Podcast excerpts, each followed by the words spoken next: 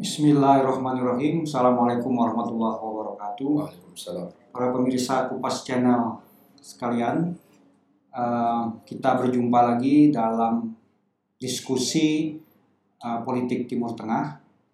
Kali ini eh, diskusi kita eh, dilakukan pada hari Sabtu, tidak seperti biasanya. Biasanya kita eh, live pada hari Senin. Ini karena ada eh, peristiwa yang uh, cukup spesial uh, atau ada breaking news lah dari berita-berita di media massa tentang uh, pembunuhan atas uh, Qasim Sulaimani yaitu komandan uh, pasukan Al-Quds unit elit dari uh, pasukan Garda Revolusi Republik Islam Iran salah satu uh, pasukan di uh, militer Iran. Dan uh, sembilan orang lainnya yang salah satunya juga adalah wakil komandan dari uh, pasukan mobilisasi rakyat Irak yaitu Abu Mahdi Al Muhandis uh, bersama saya seperti biasa telah hadir pembahas kita yaitu Al Ustadz Musa Razim. Selamat malam assalamualaikum Ustadz. Salam. Uh, baik uh, para pemirsa sekalian pembunuhan uh, atas uh, Sulaimani dan kawan-kawannya um, menandai sebuah uh, perubahan atau katakanlah babak baru dari uh, uh, petualangan Amerika Serikat di Timur Tengah. Kita memang tahu bahwa Amerika Serikat sudah lama melakukan semacam targeted killings terhadap uh, musuh-musuh politiknya, uh, musuh-musuh dari negara-negara eh, atau pejabat-pejabat dari negara-negara musuhnya. Kalau kita baca buku Killing Hope karya William Blum, kita bisa mengetahui deretan tokoh-tokoh politik negara lain yang ditarget oleh Amerika Serikat, bahkan di antaranya adalah Presiden Soekarno. Tapi uh, semua itu dilakukan secara diam-diam, uh, rahasia, dan bahkan kalaupun sukses tidak diakui secara resmi. Uh, satu-satunya pembunuhan uh, terhadap pejabat negara lain yang diakui secara resmi dan dilakukan terbuka adalah pembunuhan terhadap uh, Laksamana Yamamoto dari Jepang pada tahun 43. Tapi itu pun dalam kondisi perang. Nah, pembunuhan atas Sulaim, uh, Qasim Sulaimani dan kawan-kawannya ini adalah pembunuhan terhadap pejabat negara lain oleh Amerika Serikat tidak dalam kondisi perang. Kita tahu Iran dan Amerika Serikat tidak dalam kondisi perang langsung, kalau uh, adanya aktif hostility atau uh, uh, war by proxy itu tidak masuk dalam kategori hukum perang gitu. Jadi Ya. tidak tidak dianggap perang. Tapi Amerika toh meskipun demikian melakukan serangan secara terbuka, diakui secara resmi bahkan dikatakan merupakan perintah langsung dari Presiden Trump. Saat sebelum uh, sampai pada uh, kira-kira bisa dianggap pertanyaan kita di soal perubahan uh, apa petualangan Amerika Serikat ini, kita ingin tahu dulu uh, kira-kira bagaimana kejadiannya.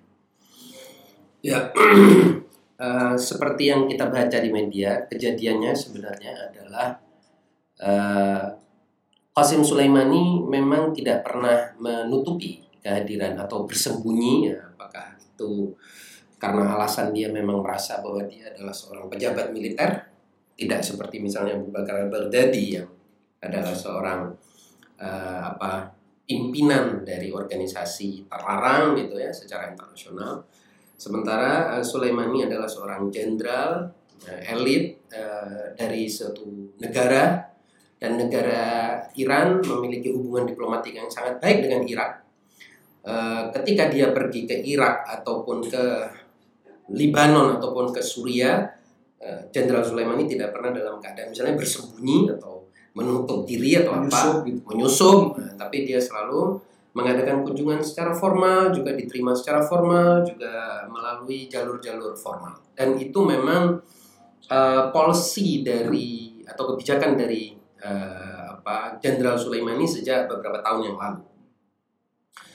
Uh, kehadiran dia di Irak, mm, kunjungan dia ke Irak, baik kali ini maupun yang sebelum-sebelumnya juga dengan cara yang seperti itu, dengan cara yang formal, terbuka, tidak sembunyi-sembunyi, Eh, juga melalui eh, airport, mem- melalui apa ya prosedur eh, keimigrasian biasa. Oleh sebab itu semua orang bisa tahu melacak kehadiran dia. Uh, dan juga ada karena itu pula ini bukan sebuah prestasi intelijen Amerika sama sekali tidak.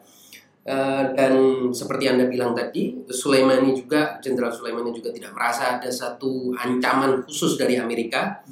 Mungkin dia kalaupun merasa ada ancaman itu ancaman dari musuh-musuh teroris yang uh, dia perangi, dia perangi selama ini.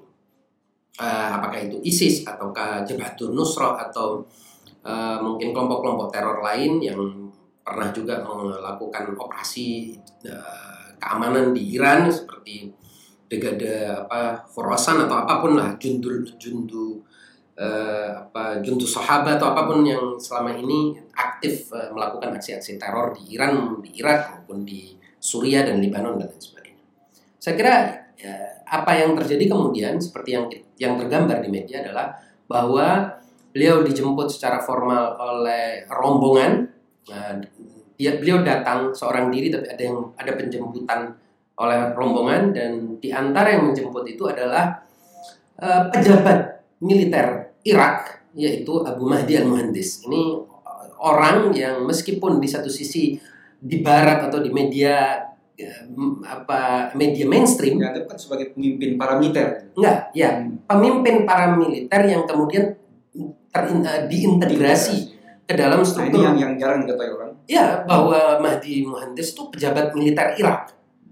Betul, dia adalah wakil pimpinan Hashid Syabi. Tapi Hashid Syabi kan pasca uh, kemenangannya melawan ISIS hmm. telah diintegrasikan ke dalam struktur keamanan Irak, masuk dalam uh, salah satu divisi militer Irak. Sehingga Mahdi Muhandis Mahdi Muhandis juga adalah seorang pejabat militer Irak yang menjemput rekannya pejabat militer Irak Iran yang juga telah punya hubungan eh, apa ya lama di antara keduanya ini. Seperti yang kita bisa baca di di media ya bahwa mereka berdua memiliki hubungan jauh sebelum uh, apa periode ISIS ini. Mereka telah sama-sama memerangi Saddam sebelumnya bahwa orang Mahdi Muhandis ini berada di pihak Iran dalam melawan rezim Saddam.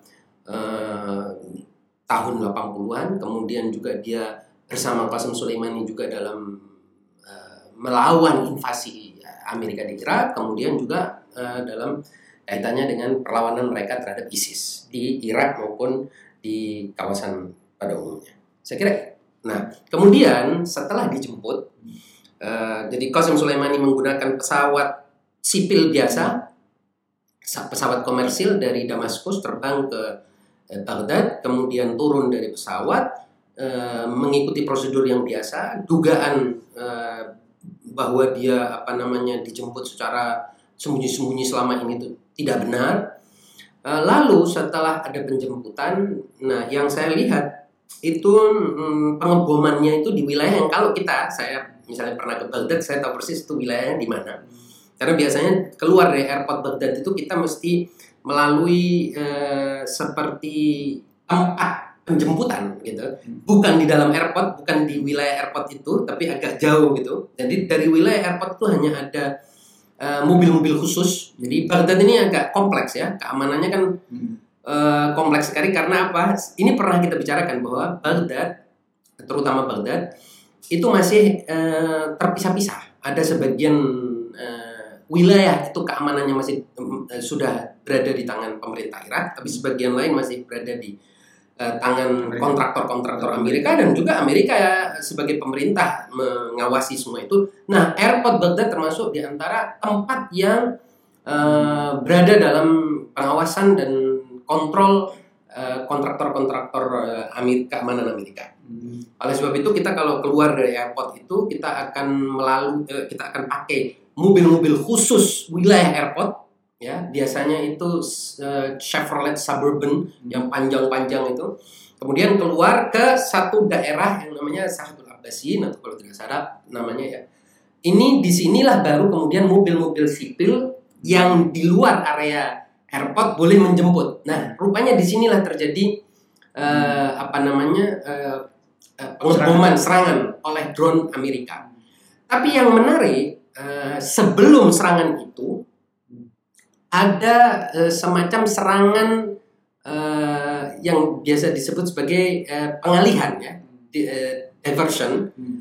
eh, oleh entah dari mana, tapi ada eh, serangan rudal Katusha ke wilayah di antara airport Baghdad dan tempat penjemputan itu tadi. Parkir parkir parkiran mobil ini tadi. Ini kurang lebih 5 atau 6 kilo antara eh, airport itu sendiri dan mm, wilayah penjemputan ini. Konon di tengah-tengah itu ada serangan eh, rudal Katusha untuk mengalihkan perhatian sehingga mungkin rombongan itu sempat berhenti atau apa pun yang terjadi rombongan itu mm, tidak kena serangan karena memang itu serangan menggunakan katusha setelah mereka sampai di eh, tempat penjemputan atau parkir mobil dari luar itu eh, mereka diserang menggunakan drone dan kemudian satu eh, rombongan itu tewas semua eh, gugur gitu itu yang terjadi Eh, tadi saat kembali ke soalan yang saya sampaikan di awal.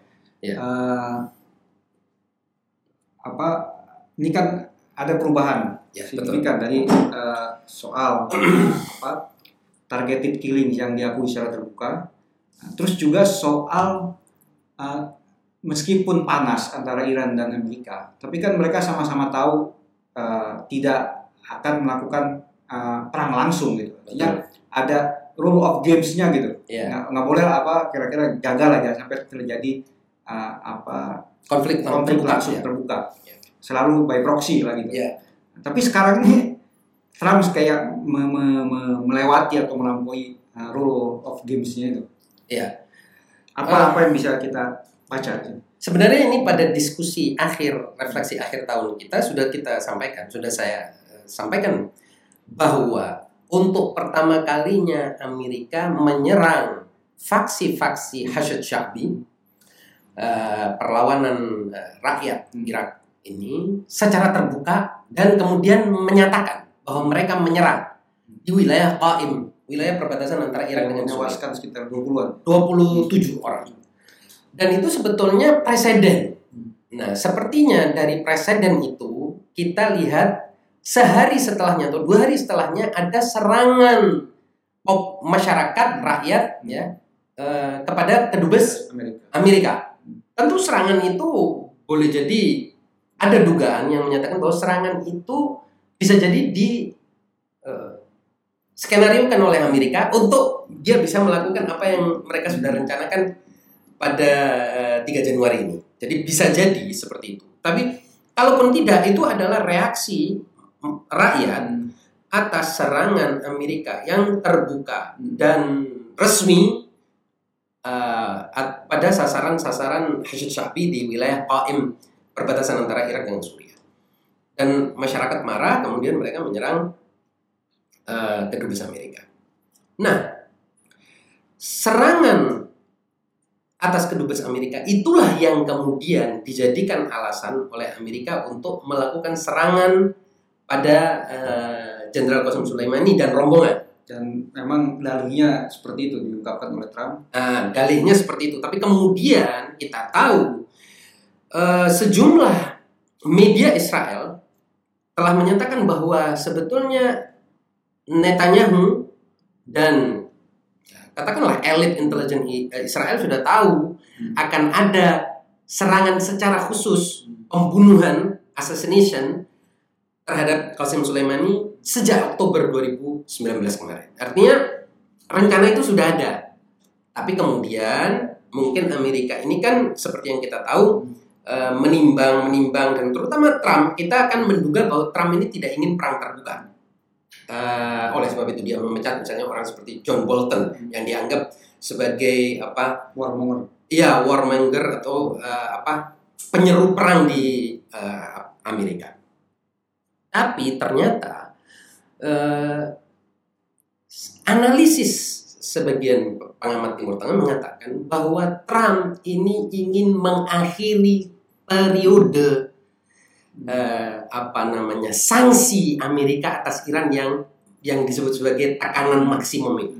Karena ini ternyata satu taktik yang memakan waktu panjang dan tidak menghasilkan eh, menghasilkan apa yang diharapkan oleh Trump yaitu menyerahnya Iran dan e, terbukanya tangan Iran untuk negosiasi dengan Trump. Itu ternyata Iran tidak tidak menyerah dan tidak mau membuka negosiasi. Berarti Trump harus memilih e, taktik yang lebih e, keras, kasar dan lebih e, militaristik ya, lebih e, bersifat keamanan. Nah, inilah pilihan yang rupanya dipilih oleh Trump pada hari itu. Karena menurut sejumlah media Amerika misalnya, eh, Trump diberikan opsi. Jadi mereka diberitahu bahwa ada rencana serangan terhadap eh, fasilitas-fasilitas Amerika di Timur Tengah, khususnya di Irak. Lalu opsinya adalah kita menyerang lebih dahulu dan untuk menyerang lebih dahulu itu kita serang uh, mastermind mastermindnya otak apa namanya rencana itu. perencana ini uh, yaitu Qasim Sulaimani atau kita lakukan setelah peristiwa itu hmm. uh, apa namanya terjadi. Nah ternyata Trump memilih yang pertama opsi langsung preemptif yang sebetulnya kan kita duga bahwa Trump tidak seneokon itu, tidak se seperti itu ya, tidak mau perang lah kita menduganya begitu. Nah, ternyata dia memilih opsi itu dan itu mengejutkan bahkan untuk para penasihat militer dan keamanan Trump sendiri hmm. opsi uh, menyerang uh, Qasim Sulaimani karena sebagaimana tadi sudah uh, ada di pengantar bahwa Qasim Sulaimani bagaimanapun adalah seorang pejabat militer resmi. state actor. Ya state actor bukan seperti uh, Al Baghdadi atau Al Julani atau atau uh, apa Osama bin Laden dan lain sebagainya. Saya kira dan bahwa di media Amerika sekarang ada sejumlah uh, tulisan yang mengatakan bahwa sejak masa Bush kemudian Obama selalu ada opsi untuk membunuh. Selalu ada kesempatan lah kalaupun tidak opsi selalu ada kesempatan untuk membunuh Qasim Sulaimani karena seperti yang tadi saya katakan bahwa Qasim Sulaimani bukan orang yang sembunyi-sembunyi dan tidak terlihat kalau dia pergi ke mana-mana. Dia terbuka sebagai pejabat militer resmi gitu. Tapi mereka selalu menghindar karena itu dianggap sebagai uh, garis merah. Iya. Nah, gitu ya. Actor ya kan? Nah, garis merahnya adalah tidak boleh membunuh uh, pejabat. Uh, masing-masing negara. Karena karena kalau itu terjadi ada banyak uh, kemungkinan baru yang bisa terjadi. Yang Iran juga bisa bisa punya pilihan-pilihan untuk melakukan hal yang mungkin ya keluar dari apa yang selama ini bisa dianggap sebagai status quo itu. Uh, adanya rule of engagement baru berarti kan? Berarti ada aturan main baru, aturan main yang bisa jadi dan bahkan bisa jadi tanpa aturan. Gitu.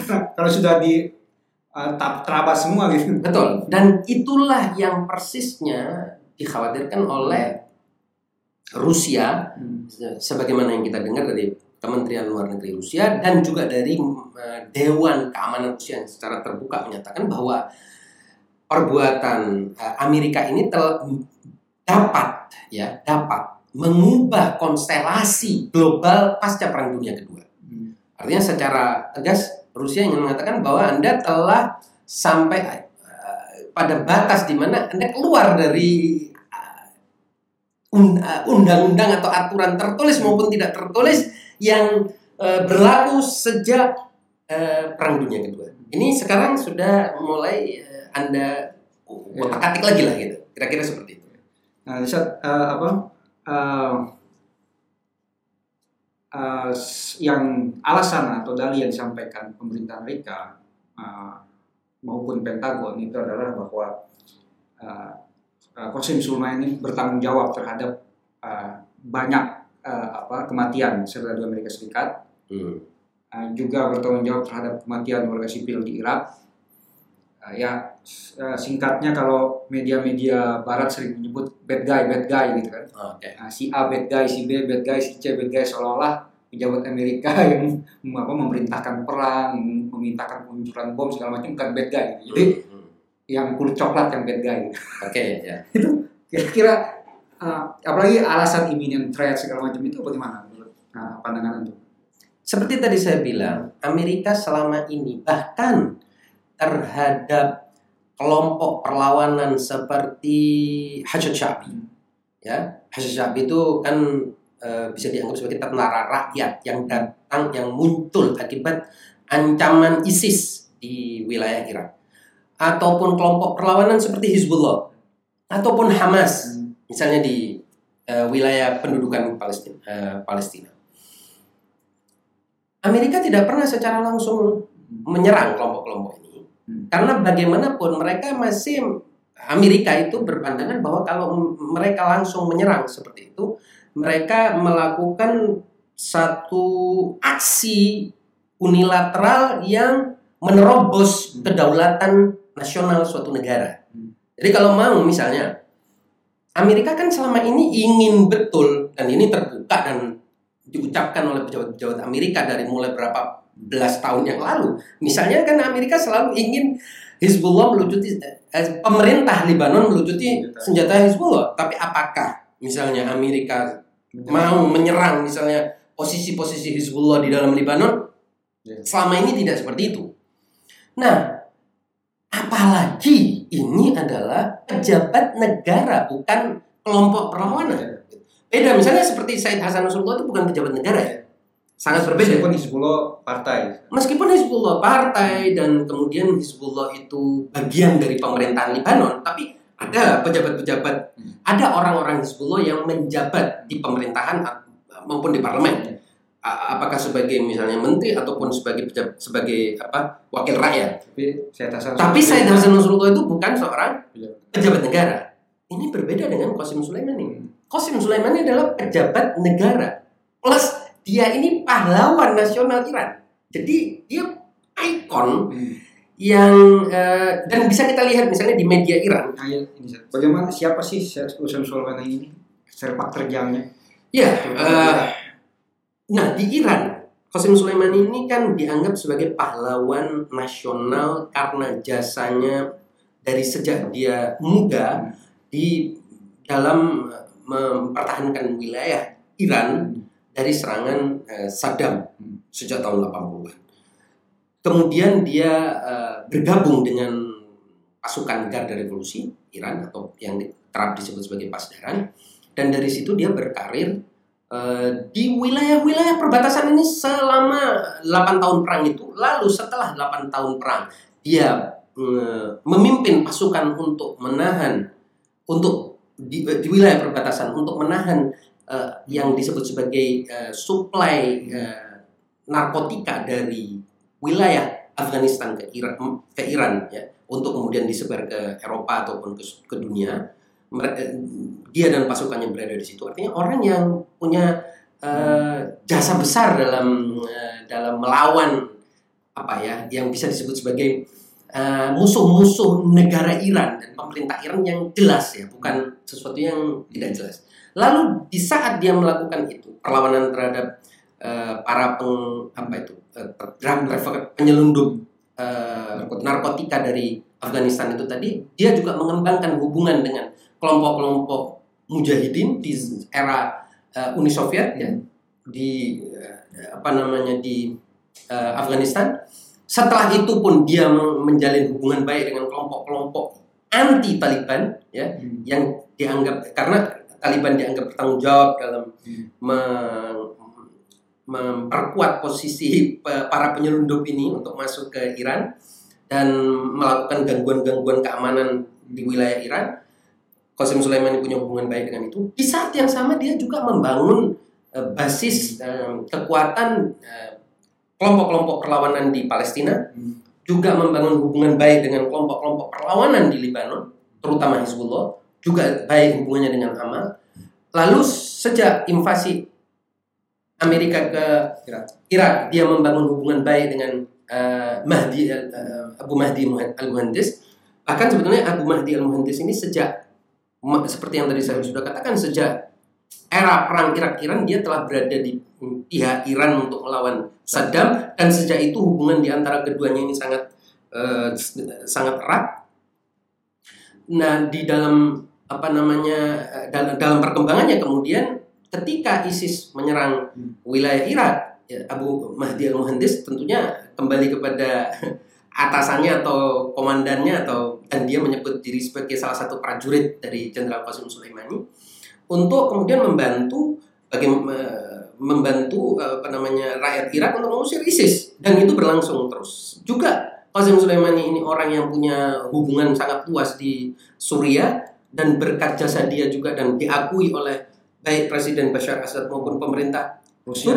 Suriah Iya. sebagai orang yang ber, eh, berjasa mengusir ISIS dari wilayah Suriah Eh, dan kemudian dia juga mem- punya jasa memperkuat hubungan antara Rusia dengan Iran secara di level strategis Eh, orang yang seluruh komponen dan faksi di Iran yang kontradiktif pada banyak masalah itu menganggap dia sebagai pahlawan. Makanya Misalnya hari ini tokoh paling populer di eh, tokoh paling populer di Iran 60%.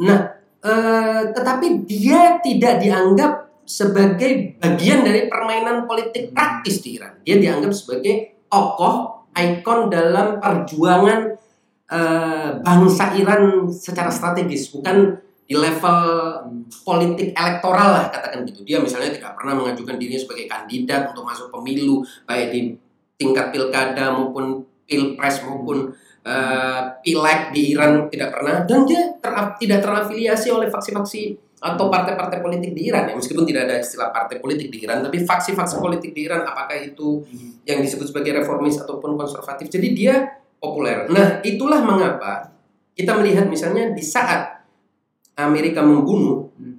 eh, Jenderal Qasem Soleimani seluruh faksi Iran itu mengutuk kejadian ini termasuk misalnya orang seperti Muhammad Khatami yang dianggap sebagai presiden paling reformis ya. Eh, dan dalam kasus misalnya negosiasi dengan Amerika dia dianggap berseberangan dengan Rahbar dalam eh, soal pembunuhan terhadap Qasem Sulaiman ini dia terpaksa atau tidak terpaksa saya kira tidak terpaksa. Dia menyatakan bahwa ini perbuatan yang eh, keji ilegal melanggar dan memuji Qasem Sulaiman ini sebagai pahlawan nasional Iran. Saya kira jadi konsensus masyarakat rakyat Iran seperti itu. Nah yang menarik juga hari ini kita bisa lihat bahwa orang seperti Sulaiman ini juga dianggap sebagai pahlawan rakyat Irak. Juga pahlawan dari bagi rakyat Palestina. Buktinya di eh, kam-kam pengungsi Palestina mereka mengadakan upacara apa namanya upacara eh, buka cita.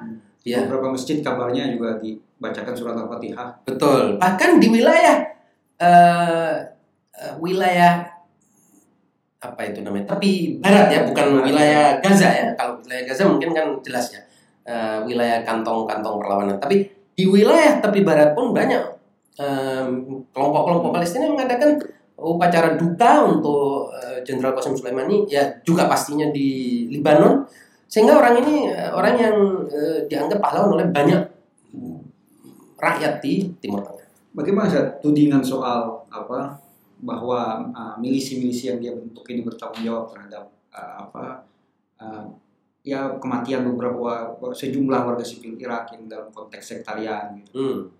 Saya kira itu eh, tuduhan yang boleh saja dilemparkan oleh pihak yang merasa bahwa pembunuhan ini ber apa bernilai atau memiliki hmm, nah, enggak, memiliki dalil eh, legal ya, memiliki legalitas gitu ya.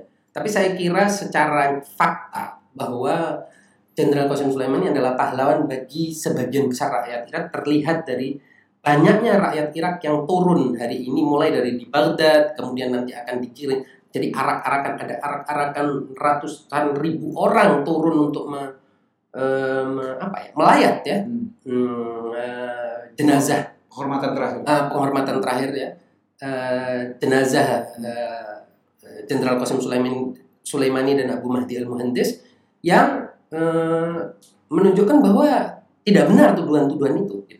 Apalagi tuduhan-tuduhan itu kan datangnya dari satu narasi yang dibangun oleh Amerika bahwa satu Iran ini melakukan operasi intelijen atau operasi militer secara tidak sah di Irak. Padahal Iran melakukan operasi apa pun itu itu adalah dalam bentuk per- karena adanya permintaan Hmm. dan juga dia membantu.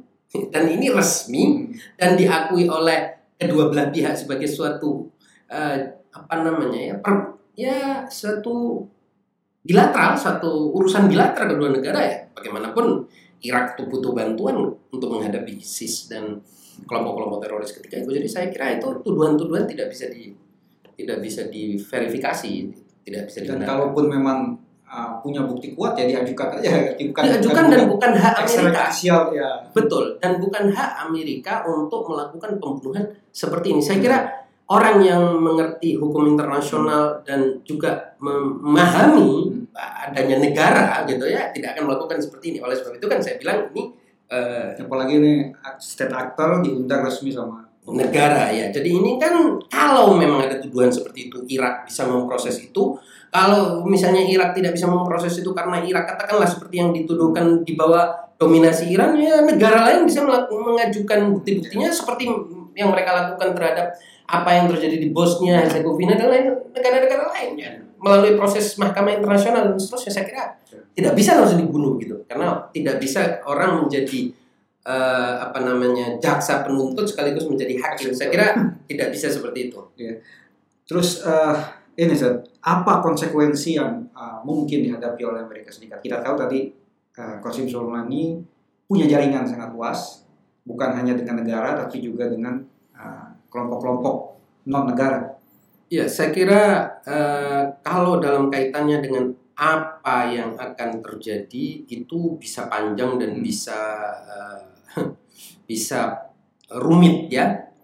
Tapi yang jelas menurut saya Iran harus membalas. Hmm. Bagaimana membalasnya itu urusan mereka. Hmm. Dan tidak ada cerita bahwa Iran akan membiarkan ini berlalu gitu saja. Karena kalau ini dibiarkan berlalu begitu saja, maka ini akan menjadi presiden baru. Cara Amerika memperlakukan Iran. Jadi Iran akan diperlakukan seperti ISIS. Dan memang rencananya seperti itu kalau kita lihat skenario Amerika itu bagaimana? Skenario Amerika adalah meletakkan pasukan garda revolusi dalam daftar hitam terorisnya. Setelah itu dia akan mengeksekusi satu demi satu semua yang ada dalam daftar itu.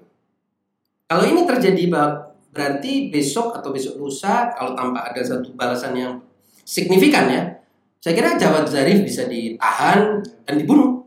Terserah kan memang sudah seperti itu. Jadi Amerika akan menjadi uh, lawless enggak menjadi preman dunia ya. yang punya hak untuk melakukan apa yang disebut sebagai extrajudicial killing sekaligus punya hak untuk melakukan ex transnational uh, assassination ya. dan itu menurut saya ya kalau kita terima itu kalau Iran menerima itu ya sudah.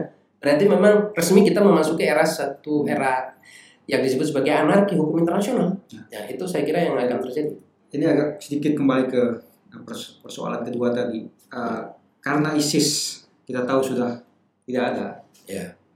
Uh, kan uh, koalisi Iran dengan Irak melawan ISIS, koalisi Amerika melawan ISIS. Ya. Uh, ISISnya hilang, ini sepertinya sekarang jadi Amerika melawan uh, Irak dan Irak.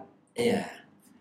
Nah ini ini sebenarnya kita sudah pernah sampaikan hmm. beberapa kali Pak Irman. Kita ingat diskusi kita bahwa sebagian orang, saya kira ya, hmm aktivis mengira bahwa persoalan dunia itu adalah dengan ISIS. Ini sama seperti narasi di kalau kita pernah melihat atau membaca uh, serial Game of Thrones hmm. di mana semua orang fokus pada Night Walker, hmm. pada zombie-zombie itu. Wajar, menakutkan, serem, jelek, jorok dan sebagainya seperti fokus dunia kepada ISIS gitu kan.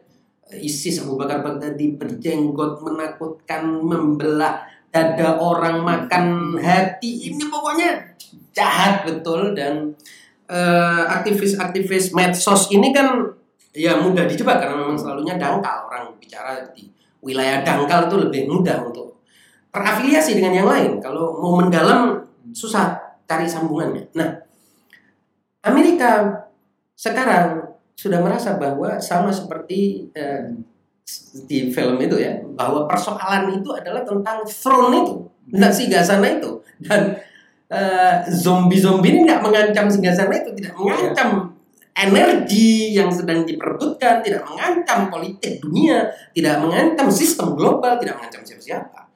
Yang mengancam dan mampu melakukan suatu katakanlah uh, minimal begini mampu menjadi alternatif dari sistem global ini adalah apa yang dibangun oleh eh, kelompok-kelompok perlawanan ini. Apakah itu melalui Iran atau melalui Irak, melalui Lebanon dan kalau mereka ini bersatu, ya negara-negara ini bersatu, kemudian dibantu oleh eh, Cina dan Rusia, mereka akan menumbuhkan suatu ekonomi baru, punya prospek baru dan lain sebagainya dan ini mengancam. Ini sebenarnya ancamannya. Adapun teroris-teroris Abu Bakar Baghdadi dan sebagainya cuman katakanlah filler untuk mengisi serial yang panjang itu. Karena itu yang lebih menarik. Nah, fokus mereka semua ini kelompok apa pengamat-pengamat dangkal ini tadi kepada ISIS itu justru sebetulnya bagian dari permainan yang sudah dimainkan oleh Amerika dan itu sudah berulang-ulang kita sampaikan. Dan kali ini harusnya semua orang terbuka matanya dong. Kalau pahlawan yang membantai ISIS itu dibunuh oleh Amerika dan secara terbuka, itu artinya apa? Artinya Amerika di belakang ISIS. Artinya Amerika rugi dengan habisnya ISIS kan begitu. Kenapa harus Sulaiman yang dibunuh? Kan nah, berarti artinya selama ini apa ISIS memang dalam kendali mereka. Kalaupun tidak dalam kendali mutlak mereka, minimal mereka bisa bisa apa? memainkan ISIS lah. Dan itu saya kira artinya sekarang berarti bahwa Amerika sudah tidak punya uh, alat yang untuk dimainkan, dia tampil sendiri. Tampil sendiri, membuka kedoknya. Hmm dan uh, dunia jadi bisa di, manusia itu bisa atau publik ya pengamat ataupun orang biasa awam bisa lihat siapa yang mendukung Amerika dalam operasi pembunuhan terhadap Jenderal Sulaiman adalah mereka yang selama ini di periode sebelumnya mendukung kelompok ISIS hmm. dan sejenisnya karena Sulaimani dan teman-temannya lah yang secara faktual dan objektif menghabisi ISIS di kawasan. Dan darah Sulaimani dan kawan-kawannya lah yang mampu mengusir is, ancaman ISIS dan teroris itu dari kawasan. Sehingga persoalan ini jangan direduksi menjadi persoalan sektarian, madhab, uh, Wahabi versus Sunni, Sunni versus Syiah. Itu semua permainan khususnya bagi orang yang punya apa istilahnya kalau dalam antropologi itu punya thick description atau thick interpretation ya deep interpretation terhadap masalah dia bisa tahu hmm. bahwa ada eh, aktor-aktor yang lebih dalam yang biasa kalau dengan deep uh, interpretation kita bisa menemukan deep state deep state-nya itu ada pemain yang tidak terlihat ini. Dan pemain yang tidak terlihat itu jelas bukan berdadi dan cecunguk-cecunguknya yang sepele itu. Mereka tidak punya tenaga untuk bisa eksis bahkan sebulan dua bulan kalau tanpa suntikan kekuatan dari uh, deep state. Deep state. Nah dan deep state itu mungkin pasca perang dunia kedua itu ya negara-negara yang tergabung di Dewan Keamanan minimal ya Amerika itu ya kan mengerucut pada Amerika tapi selain Amerika juga di situ ada kekuatan seperti Inggris, Prancis, ya kan? Mereka lah yang memainkan politik dunia dan ekonomi dunia. Saya kira sekarang Cina berusaha untuk mengimbangi itu. Nggak tahu sampai di mana ceritanya. Uh, Rusia juga mau mengimbangi itu. Minimal di Suria mereka Rusia mencoba untuk memutuskan mengimbangi ya, membalansir uh, posisi Amerika. Tapi kan terbukti bahwa apa yang terjadi pada 3 Januari di Irak itu menunjukkan bahwa tetap Amerika lah yang punya eh, apa itu kelancangan ter, ter terhebat dalam kaitannya dengan konstelasi eh, global ini dalam bagaimana dia bisa membunuh pejabat negara dengan terang-terangan dan mengakui secara terbuka. Ya, jadi gini. Pejabat negara ini ini eh, do, apa dua level di atasnya pembunuhan Jamal Khashoggi dua level. Kenapa? Karena Jamal Khashoggi bukan pejabat negara satu.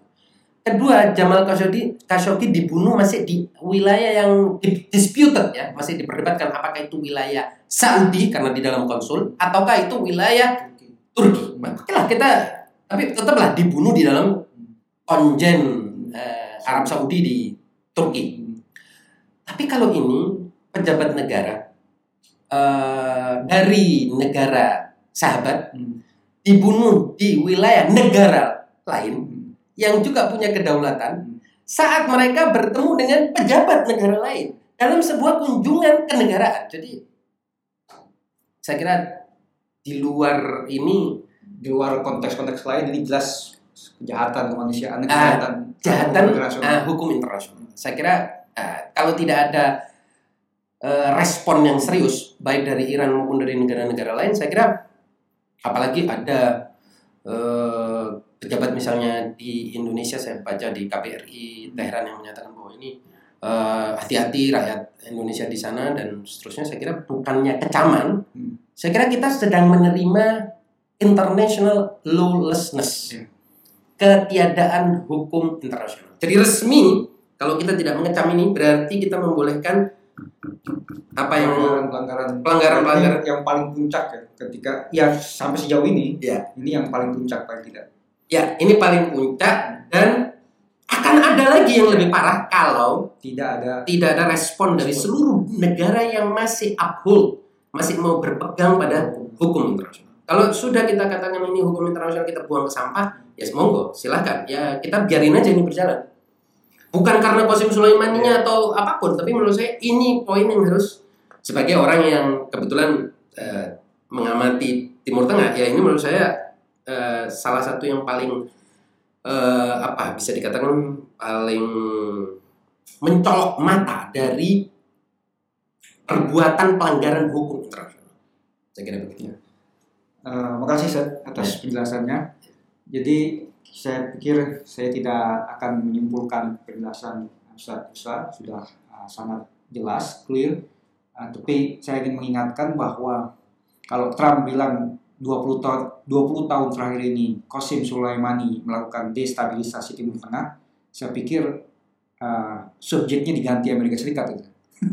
Jadi eh, kita tidak boleh melupakan bahwa 20 tahun yang lalu, kurang dari 20 tahun yang lalu bahkan, Amerika Serikat lah yang memulai uh, uh, di Irak memulai uh, situasi atau kekacauan. Hmm. Nah itu saya pikir tidak boleh lupakan dan uh, petualangan Amerika di Irak itu juga suatu pelanggaran hukum nasional karena tidak dapat mandat dari Dewan Keamanan dan presentasi mereka juga merupakan uh, apa dusta yang akhirnya terungkap sekarang. Jadi uh, mungkin harus diingat uh, ketika terjadi peristiwa-peristiwa lain, peristiwa awalnya buat kita harus kita ingat terus. Ya, betul. Terima kasih Ustaz. Ya, Uh, uh, demikian para pendengar sekalian, kurang lebihnya aku maaf. Bila terlalu daya, wassalamualaikum warahmatullahi wabarakatuh.